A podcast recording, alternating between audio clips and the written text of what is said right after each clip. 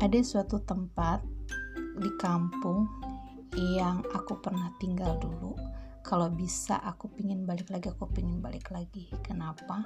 Karena di kampung tersebut ada momen banyak kenangan yang tidak akan pernah bisa aku lupakan. Karena lumayan lama aku tinggal di sana dari kelas 5 SD sampai kelas 1 SMP aku tidak tinggal dengan ibu dan bapak tapi aku tinggal dengan kakak dari bapak.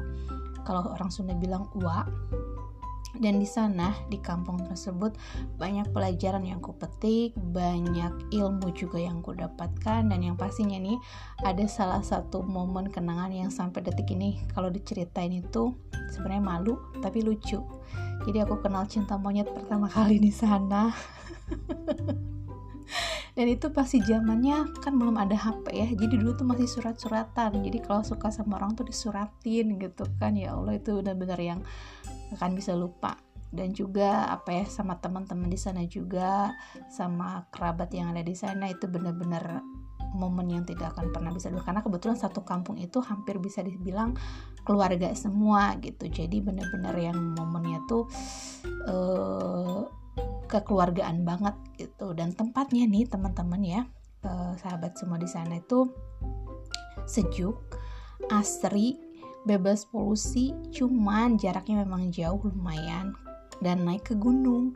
Tapi kalau udah sampai ke sana uh terbayarkan lelahnya dengan pemandangan yang the best deh pokoknya indah banget di sana pemandangannya dan nama kampungnya adalah Wanasigra, Desa Tenjawaringin, Kabupaten Salawu, Tasikmalaya.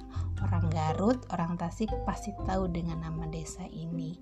Jadi eh, kenangan di sana itu benar-benar banyak mengajarkan aku bagaimana jadi orang yang mandiri, bagaimana menjadi orang yang dewasa, bagaimana menjadi orang yang jangan mudah jatuh cinta. Itulah tempat kenangan yang sampai detiknya tidak bisa aku lupakan dan aku jujur nih ya, pingin balik lagi ke sana mengulang semua kenangan manis tersebut dengan orang-orang yang ada di sana. Inilah sepagal cerita kenangan dari aku, podcast Cangkir Cawan. Aku Mochi. thank you